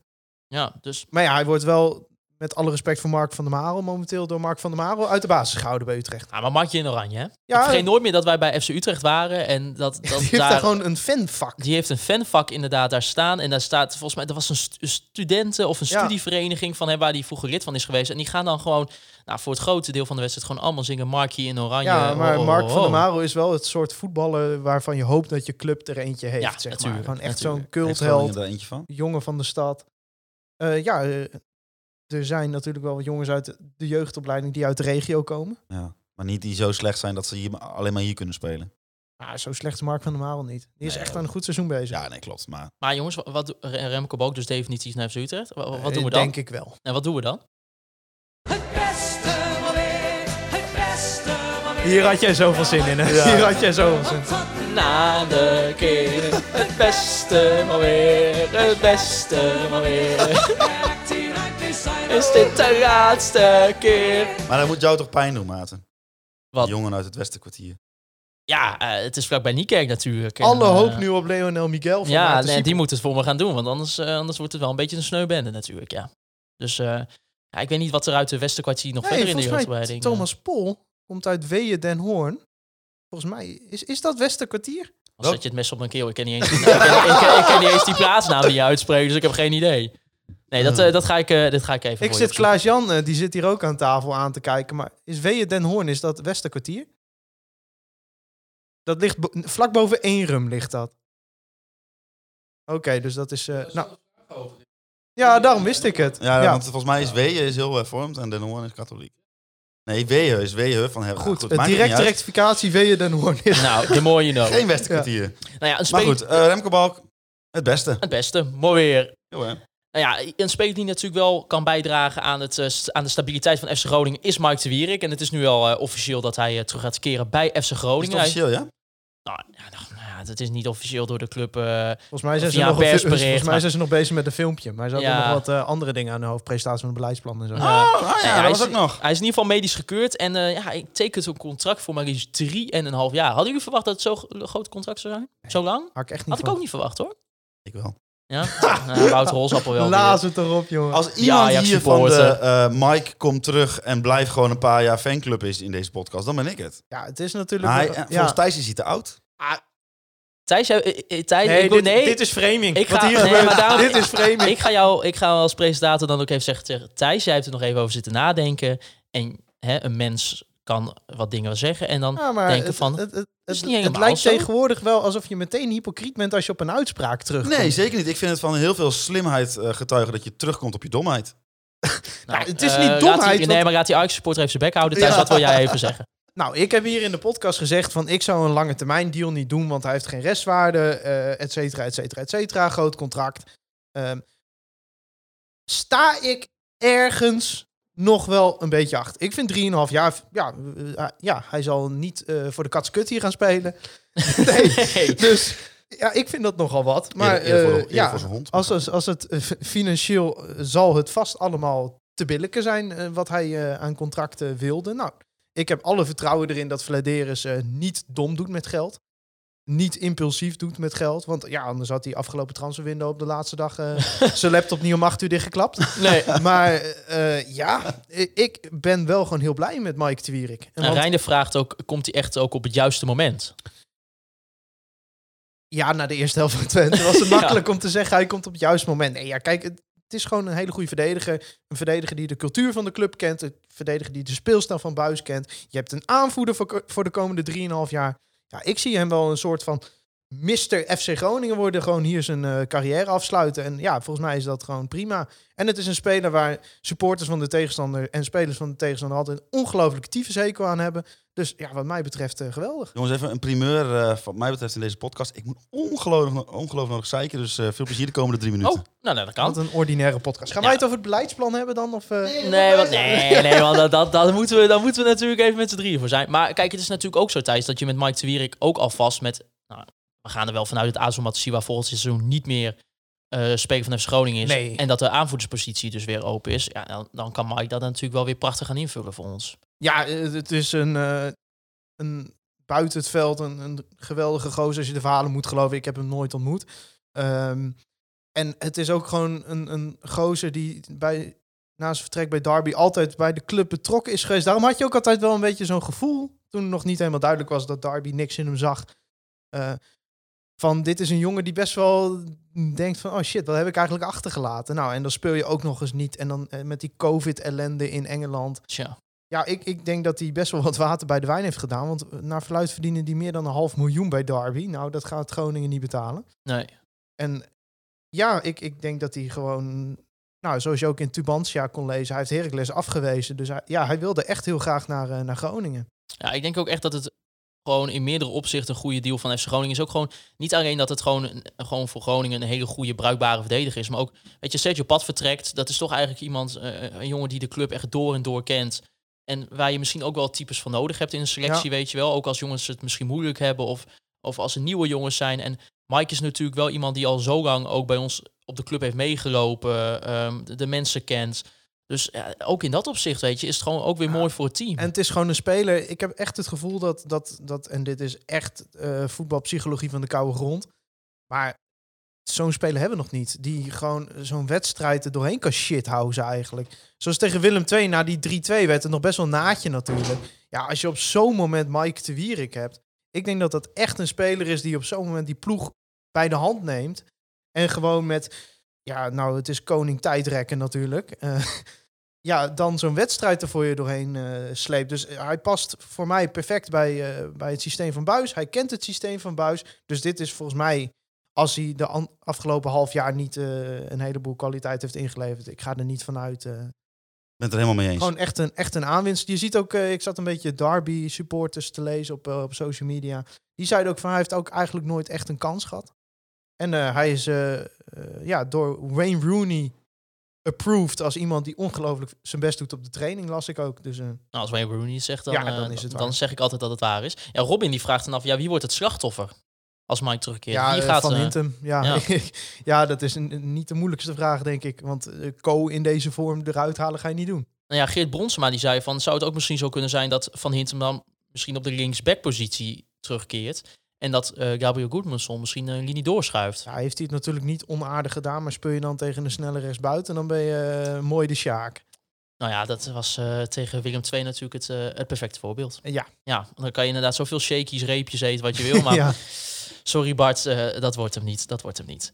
En dan is het ook nog het nieuws dat Radinho Balken komt van Almere City. Ja. Mooi transfervrij over in de zomer. Ja, ik denk als je nu gewoon Mike binnen hebt gehaald, ehm, je kan dit seizoen gewoon prima uitvoetballen voor die play-offs gaan, hopelijk Europa halen. En dan heb je ook nog een talentvolle keukenkampioen-divisie eh, verdediger Ja, eh, in eh, selectie. staat al jaren in de picture bij allerlei eredivisieclubs. Kwakkelt wat met blessures vaak. Maar ik denk wel eh, gewoon een, als je die gratis kan overnemen, altijd een gokje om te wagen. Dan jongens, Ik ben er weer hoor, jongens. mooi, gelukkig. De presentatie van het beleidsplan van FC Groningen Ja, samen naar de grote Hier markt. moeten wij wat woorden gaan afwegen. Afwegen? Ja, want nou, de presentatie van. Het gaat nu om de presentatie zelf en niet om het beleidsplan. Ja. De presentatie van het, eh, ja, van het beleidsplan was in, eh, was in handen van eh, NDC Media Groep. Het moederbedrijf van het Dagblad van het Noorden. En nou ja, mensen die deze podcast vaker luisteren, die weten dat wij er altijd een bepaalde preoccupatie mee hebben met het Dagblad van het Noorden. En Mooi dat willen, wij, dat willen wij helemaal wegzetten. Wij willen echt helikopterview naar deze presentatie gaan kijken. En ja, nou laten we beginnen. Dit is het belangrijkste persmoment voor Wouter Gudde sinds zijn aanstelling, toch? Ja, ja. voor, voor de gehele directie. Hij heeft Ja. anderhalf jaar lang hieraan gewerkt. Ja. Eh, dit, is, dit, dit is zijn paradepaardje.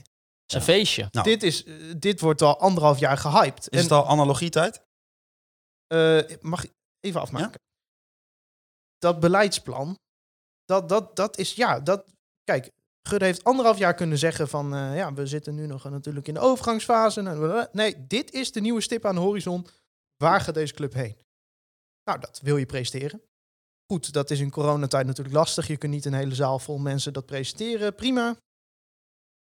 Maar waarom doe je het niet zelf? Nou, dit is, om even in de analogieën te blijven. We hebben Maarten gehad, die bij Adrie heeft gezegd over Diemus. Dat je verkering hebt met een meisje en als het erop aankomt gaat ze er met een ander vandoor. We hebben nu Flederis gehad, die heeft gezegd eh, dat ze een relatie van zeven jaar met Remco Balk hebben gehad. En dat hij nu nog steeds stiekem Ja. bij wat andere meisjes wil kijken. En nu hebben we een, de verloving van eh Mark-Jan Flederis en Wouter Gudde op het moment dat ze werden aangesteld bij FC Groningen. En als je verloofd bent, ga je toewerken naar de bruiloft. En dat hebben ze gedaan de afgelopen anderhalf jaar. Ze hebben toegewerkt naar de bruiloft. En tijdens de huwelijksnacht lagen ineens Henk-Jan Apotheker en William Pomp bij zijn bed. ja, ja. Ja, kijk, Ja, niks ten nadele van William Pomp. Oprecht niet. Ik vind William Pomp een topgozer. Eh zijn stukjes heb ik wel eens een mening over, maar in de kern echt, ja, Wij hebben liefde Echt? voor Billy Bomba. echt, echt iemand waarmee je gewoon eh, lekker in de kroeg wil zitten en die m- altijd mooie verhalen heeft. En, ehm, maar ja, die zit daar natuurlijk alleen maar om primeurs te jagen.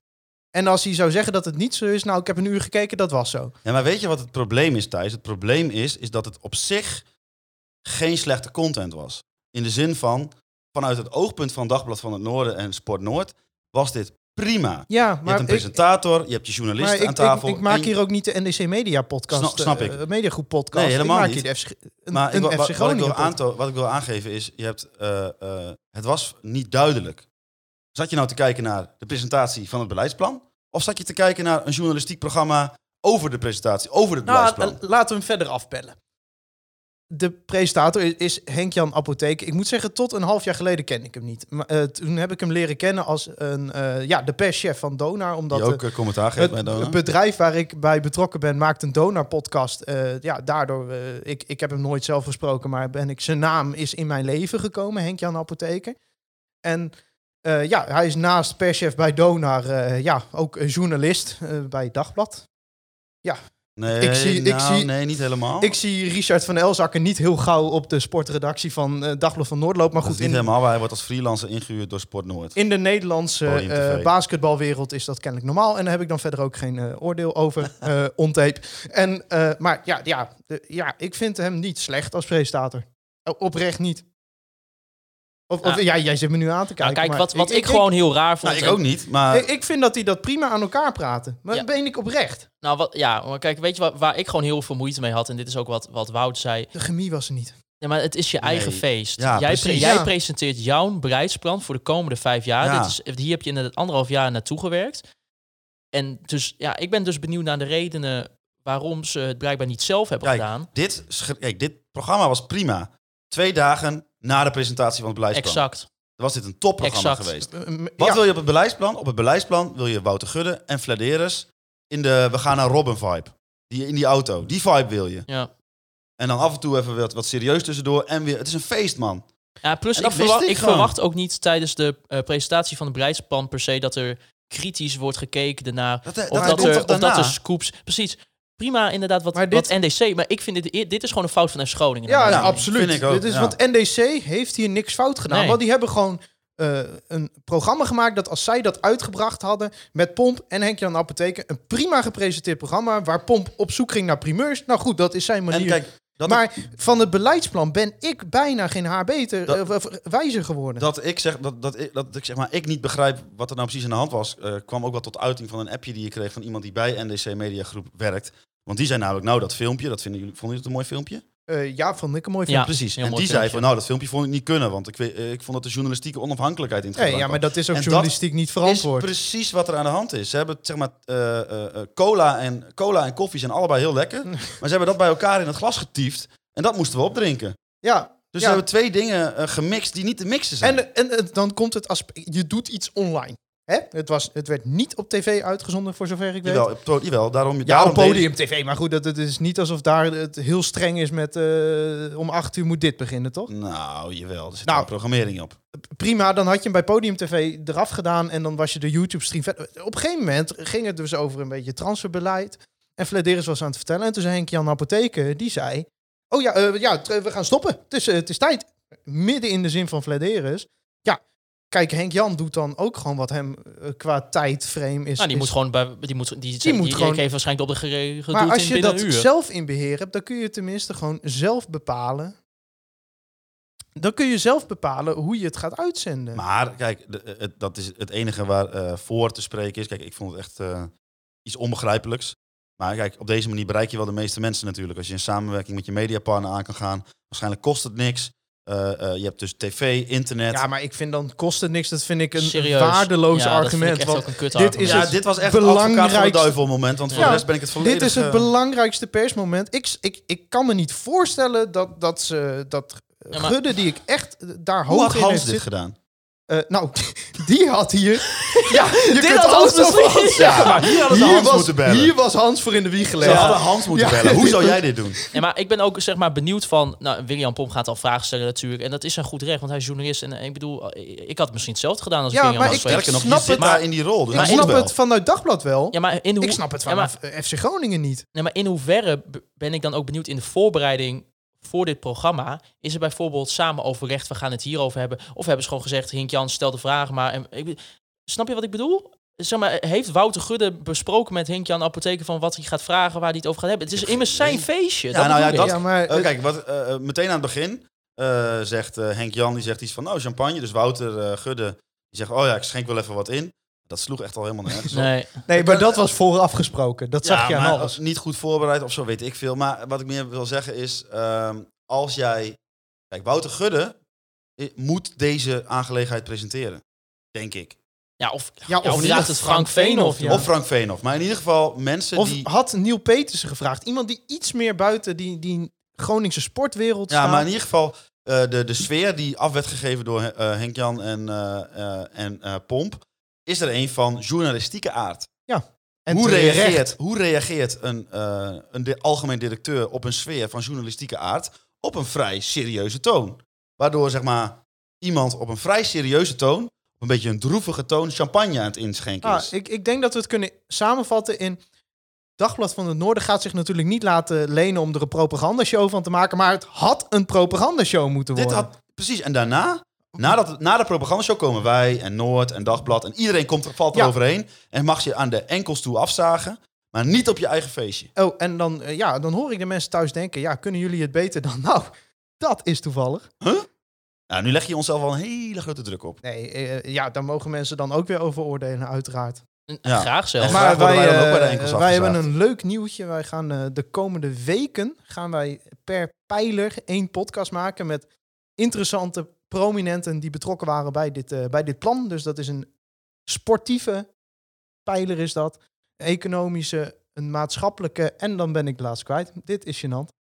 Pak je telefoontje er even bij, want dan kun je ook alvast even de namen benoemen. Misschien die... eh, die, erbij gaan zitten? allemaal hebben? ja, dat mensen gewoon een beetje een idee hebben wat, wat er komt. Het wordt dus eh, naast de Oh, het reguliere- mooiste evenement. Sorry, ja. ik, excuses aan iedereen die dit luistert en denkt... oh, die jongens gaan wat leuks maken. We gaan echt proberen wat leuks van te Nee, maken. naast de reguliere afleveringen zullen Ja. er dus vier podcasts... Eh, tipje van de sluier misschien al. het- als het goed is, gaat deze week de eerste online komen. En dat is over het sportieve vlak. En daar eh, zijn Wes Beuving, Computerbolleboos. De computerbolleboos Wes Beuving is 21 trouwens. Hè, Oh, dit echt? jaar. Oh. En eh Mark-Jan Vladeris. Willen jullie dat trouwens wel, willen jullie dat wel even in, in die podcast gaan zeggen dat hij de computerbobo's is? Ja, want voor duidelijkheid, jij bent er deze week niet bij, Nee. eh, Maarten. Nee. Nee, jij hebt een eh, groot essay en deze podcast van anderhalf uur was tot daar aan toe. Dus dit kan alleen maar chaos worden, want wat, de laatste keer dat jij er niet bij was, ging Nou, jij gaat presenteren. Nou, kijk. Nee. jawel, jawel. jawel. Oké. Jij gaat presenteren. Ah, kijk, weet je, je Dus ik hebt al- mag voor het eerst in mijn carrière na 101 afleveringen zeggen als eerste, kom van minder Nee, dat doe ik en daarna ga jij Oké, presenteren. is goed. Of misschien, eh, laat Mark-Jan het even doen. laat Mark-Jan het gewoon zelf, zelf presenteren. Ja, dat is goed. Nou, Maar Want, ik, eh, wij- eh, dat wist jij nog niet, maar jij hoeft dus ook niet te komen, want ik heb Henk-Jan apotheker. Nee, maar goed, wij gaan dus... gaan we het ook over de even- wifi in het stadion. Call to action, call to action, want het loopt er helemaal uit, uit de klauwen hier. Wij hebben graag aanvullingen, want bijvoorbeeld met de podcast van Wouter Gudde, daar keken wij niet helemaal met positiviteit op terug, omdat wij vonden dat we niet genoeg in dat dossier Nou, zaten. ja, ik bedoel meer, Dus- we keken er wel met positiviteit op terug, maar er was meer uit Ja. te halen. Dus eh, wij gaan ons deze keer nog beter inlezen. En ik eh, ga ook al wat mensen raadplegen die mij ook nog even hun kant van het verhaal, zodat ik echt eh, ja, tot de tanden toe bewapend ben. Ja, om de rolverdeling even te vertellen, omdat Maarten er niet is, is misschien goed voor de luisteraars dat ze alvast weten wat ze kunnen verwachten. Eh, ik ben de klantenservice, dus alles wat jullie eh, insturen gaat via mij de podcast in. En dan komt het gesprek op gang. En Thijs die gaat, nou ja, ik neem- mag toch wel hopen dat jij eh Mark-Jan Vladeris tot bij de enkel toe af gaat zagen. Ik eh, ga als Sven Kokkelman deze podcast. nee, maar zonder gekheid. Ik, ik, ik wil wel echt een paar, eh, een paar kritische vragen kunnen stellen. Zeker. Want eh, ja, we moeten, wij gaan er geen propagandashow van maken. En als ze dat idee wel hadden, dan hebben ze de verkeerde gevraagd. Goh, ik leg de druk nu wel hoog, hè? Ja, heel hoog. Ja. Want het wordt natuurlijk weer eh, veel te gezellig met. Oh, ja, dat weet ik al. Ja, maar wij durven natuurlijk ook niet kritisch te zijn, want anders komen ze nooit meer. Nee, nee, nee, nee. nee, nee, en pak die computer boggeboos aan, hè, die Wes Beuving. Ja, ik ga het alleen maar over zijn leeftijd hebben. Ja. ik zeg, ja, weet je Wes, eh, dat klinkt nu allemaal wel leuk, maar ja, hoe oud ben jij nou Ja, nee, maar ik bedoel, weet je, het, is ook wel eh, leuk met die vier onderwerpen dat we ook meer, in plaats van dat je alleen Wouter Gudde ziet, ook meer de personen ziet die, die misschien Ja, en dat- nou, niet vaak zichtbaar zijn. Dat gaan we ook zeker doen. Eh, we, ik kan nu alvast zeggen, Wout Gudde is niet de gast. Nee. Nee, Geen enkele van die vier podcasts. geen, geen haar op mijn hoofd die eraan denkt. Nee, zeker niet. Nee, En Wouter Gudde, we die, weten dat hij, we weten dat hij wel eens luistert en dat hij altijd naar de, de, eh, de een smoothie haalt bij de Smooth Brothers. Ik zit nu op de tijd te letten. Hij is waarschijnlijk op de terugweg. Ja. Hopelijk smaakt hij, eh, Wouter. Ja, ik- nou, Dit voor internet. goede content. Ja, Nou, goede ja. content. Nou, Knippen eruit. Maar laten we, eh, Wou- Wouter is niet met ons klaar. Want op het moment dat hij weer een keer bij ons gaat zitten... dan gaan we het wel even hebben over deze presentatie van het Parijsplan. Nou, ik ben oprecht benieuwd. Zouden ze hier nou zelf achter staan? Nou ja, dat weet ik niet. Dat, dat, dat is dus waar we Wouter goed even op gaan ze, zouden ze nou maandagavond... eh, nou, Mark-Jan en eh, Gudde zijn denk ik samen naar huis gereden, want die wonen tegenover elkaar. En eh, zouden ze nou in de auto tegen elkaar gezegd hebben van ja, dit was wat wij voor ogen hadden. Kijk, tuurlijk met corona eh, het is allemaal moeilijk. Je hebt dit het liefst gewoon met een volle zaal. En, en- maar ja, dit Dat was je wel... om vijf uur afsluit in Dit was, dit was vanuit Dagblad nogmaals volkomen begrijpelijk. Maar vanaf FC Groningen, ik begrijp het echt niet. Ik vond, ik vond dit echt een, eh, een tegenvaller. En de live chat was wel leuk. De live chat was goed. Ja, want ik was even ingelogd op het Conforminder account. En eh, nou, we zaten leuk te praten met Oh, iedereen. ook Ik? Ja, we kregen, we kregen één haatreactie. Die werd er toen ook weer door een aantal van onze volgers weer ook weer Ja, keihard op eh, uh, een beetje- teruggecyberpest. Beetje gênant dat je, zowel jij, Hols, als Maarten, die liepen zichzelf weer even... eh neem weer aandacht tekort of zo. Nee, Nou, eh, hoezo? hoezo? Ik zeg, gewoon, ik zeg gewoon mooi in de chat. En, vervolgens, en vervolgens zegt iemand iets van... eh ah, de jongens van Conforminder vinden zichzelf te, bij- veel te bijzonder. En dan komt Johnny98 en die zegt dan van... Ja, eh, nou, hij is nu Pieter van de Week volgende week. Ja, dat is toch mooi? Nou, prima. Ik, eh, ik zat gewoon te kijken. Ik heb, ik heb me dood geschaamd om jullie. Echt waar? Nee. Oké. Gelukkig. Nou ja, dan de wedstrijd. Want die moet ook nog natuurlijk eh, worden Wat? voorbeschouwd. Godsamme. 1 minuut 15, dames en heren. Oh, FC. Groningen gaat eh, spelen tegen Vitesse. eigenlijk? Oh, dit is het eerste dat ik... Geen idee. Vitesse uit. Vitesse uit zaterdag om kwart voor zeven. Vitesse die het eh, natuurlijk een fantastisch seizoen speelt in de Eredivisie... staat momenteel op de tweede plaats.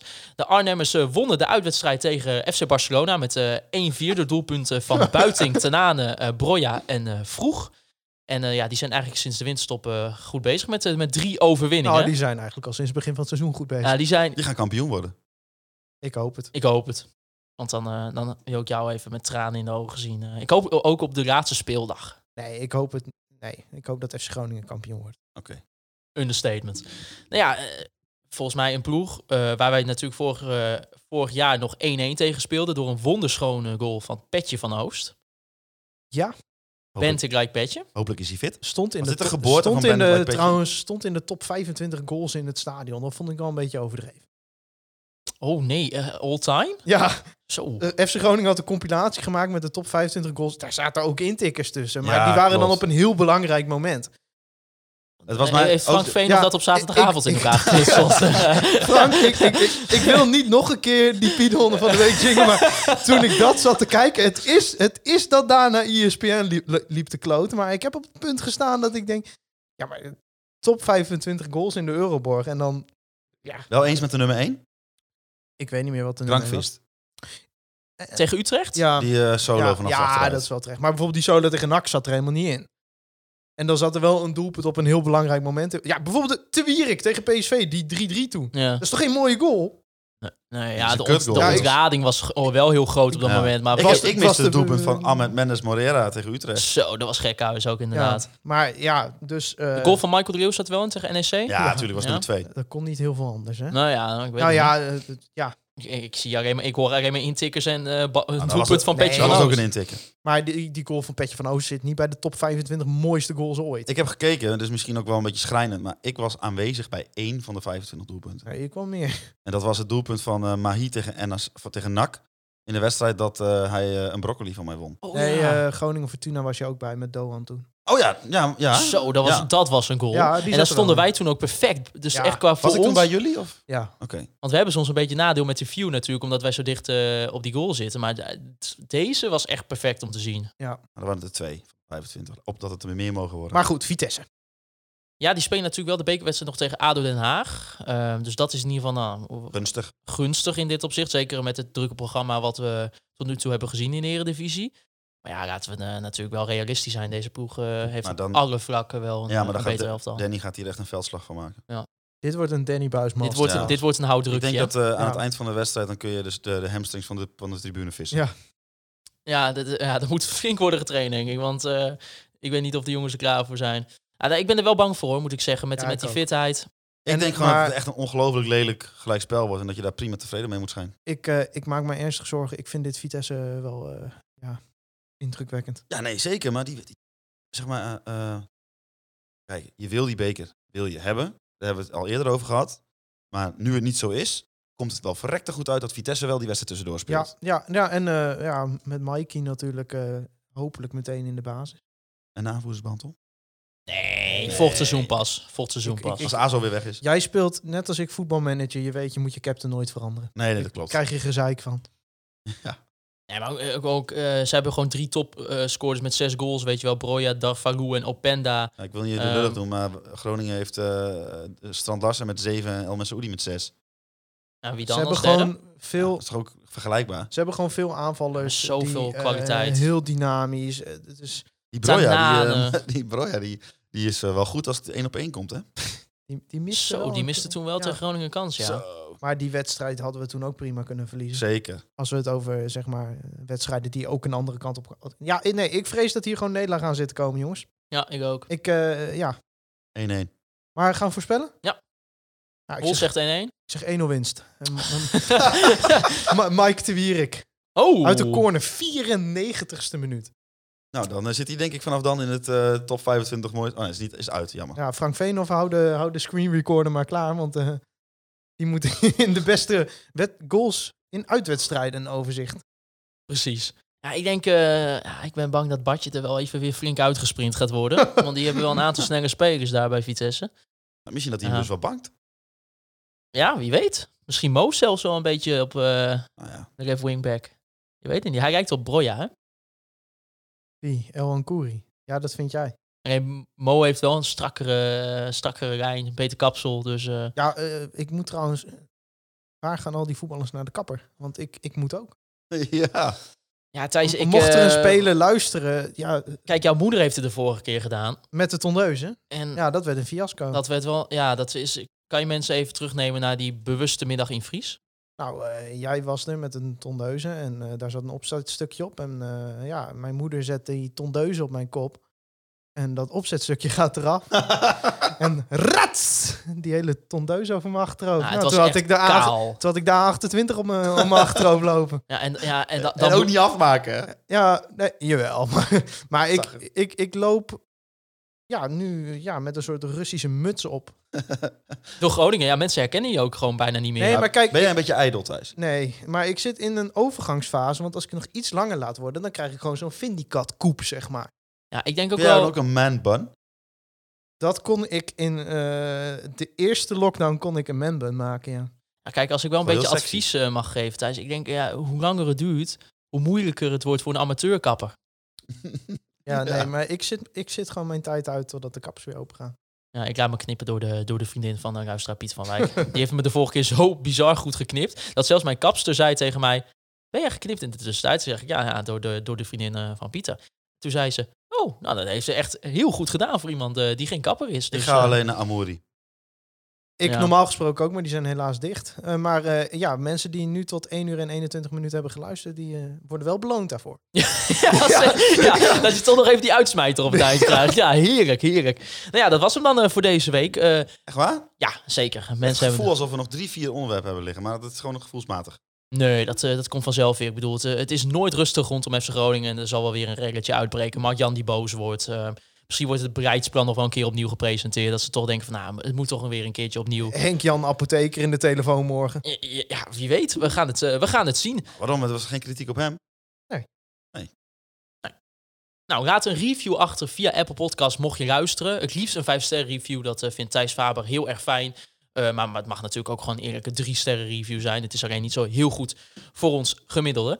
Jullie, kun- jullie kunnen ons ook volgen op eh, Spotify, Apple Podcast en Soundcloud. En die winactie, hè? De winactie, nogmaals, het staat in de eh profiel website, staat, staat de link naar de Google Docs. Gooit daar- ze ook nog wel even in het tweetje, toch? En in de het show komt in het notes. tweetje, in het de komt in de show show notes. notes. eh, het komt nog wel op de social media kanalen. Dus voer je naam in en je e-mailadres. En dan wordt er willekeurig een winnaar gekozen voor een eh, thuis- of uitshirt van Mo El en Weet je, Koeri. wat, weet je wat ik heb gehoord? Nou? Ik heb gehoord, maar dat kan ook een gerucht zijn, dat jij zelf degene gaat zijn die zijn naam en nummer erop gaat drukken. Dat gerucht heb ik ook gehoord. Dus eh, de winnaar eh, mag extra trots zijn, want het shirtje wordt zelf bedrukt eh, door Maarten Siepel. Nou, wauw. Als dat niet wat extra toevoegt. eh, Nou, en-. En nou, maar het, alles gaat erop, hè. Toto-logootje gaat erop, Eredivisie-logootje gaat erop. We gaan ook... eh, kan niet op het- bij het, er ook een kan- handtekening op? eh, Nou, kijk, nou, we kunnen dit dit, dit ethische dilemma wel even voorleggen aan de mensen. Ja, wij, vinden, wij, wij vinden het... Kijk, we kunnen echt wel aan die handtekening komen, maar Ja. ja, weet je, het is wel een beetje zo'n grap van, nou, iedereen vindt Mo slecht, inclusief wij. Nou, als hij scoort, krijgt hij een shirtje. Ja. En dan komen we daar een beetje aan met van... eh Ik ja, vind die eigenlijk slecht, maar jij hebt hier, gescoord. we hebben een shirt Ja, maar aan, je ik vind het ook wel dubbel, want aan de andere kant Ja. hebben wij ook wel weer aan het begin van het seizoen gezegd van, nou ja, we hopen echt dat hij het goed te doen en we gunnen het hem zo. Dus het is ook wel weer aan de andere kant soort van, weet niet, eh, het, eh, zijn harde werken is beloond Ah, en dat, mocht- staat een mooi shirtje over. mocht iemand hier een mening over hebben, dan horen wij het graag. Ja. Jullie kunnen ons ook nog volgen op eh, de social media kanalen Instagram, Facebook en Twitter. Hou dus daar ook voor die winactie in de gaten en doneer ook wat geld als het kan aan het eh, Jeugd Sportfonds. Jullie kunnen mij persoonlijk volgen op Twitter, Maarten eh, laagstreepje Siepel, Holzappel en Thijs laagstreepje Faber. En dan wil ik jullie bedanken voor het luisteren naar Conforminder, de podcast. Juichen wij als FC Groningen weer.